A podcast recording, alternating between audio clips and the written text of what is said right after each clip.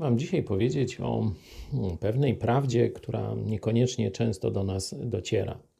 Kiedy jeszcze nie znaliśmy Jezusa Chrystusa, robiliśmy różne głupie rzeczy. Grzeszyliśmy, czy krzywdziliśmy ludzi, czy łamaliśmy przeróżne Boże i ludzkie zasady.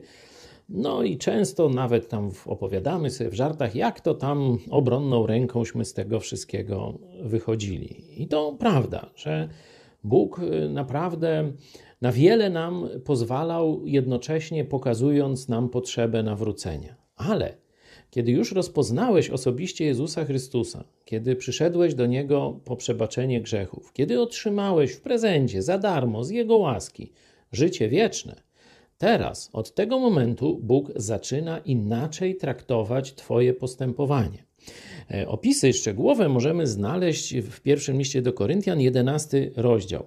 Tam wieczerza pańska jest oczywiście pamiątką tego, co zrobił dla nas Chrystus, ale dla nas uczestnictwo w niej jest też deklaracją e, czystego związku z Jezusem, podążania za nim, czyli życia bez grzechu, bez świadomego grzechu. I stąd apostoł Paweł mówi: Niechże, 28 werset, niechże więc człowiek samego siebie doświadcza, czyli samego siebie sprawdza, czy żyje zgodnie z wolą Bożą, czy też ją ostentacyjnie łamie. Jeśli będziemy deklarowali jako chrześcijanie, że żyjemy w posłuszeństwie Jezusowi, a w środku, tam gdzie nikt nie widzi, będziemy grzeszyć, to będziemy przez Boga karceni.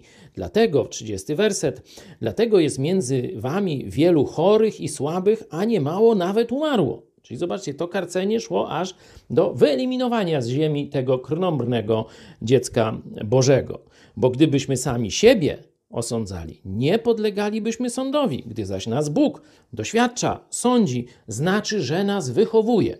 To jest miłość Boga i On naprawdę się nami zajmie, tak, żebyśmy popamiętali, że jesteśmy święci i mamy postępować jak święci.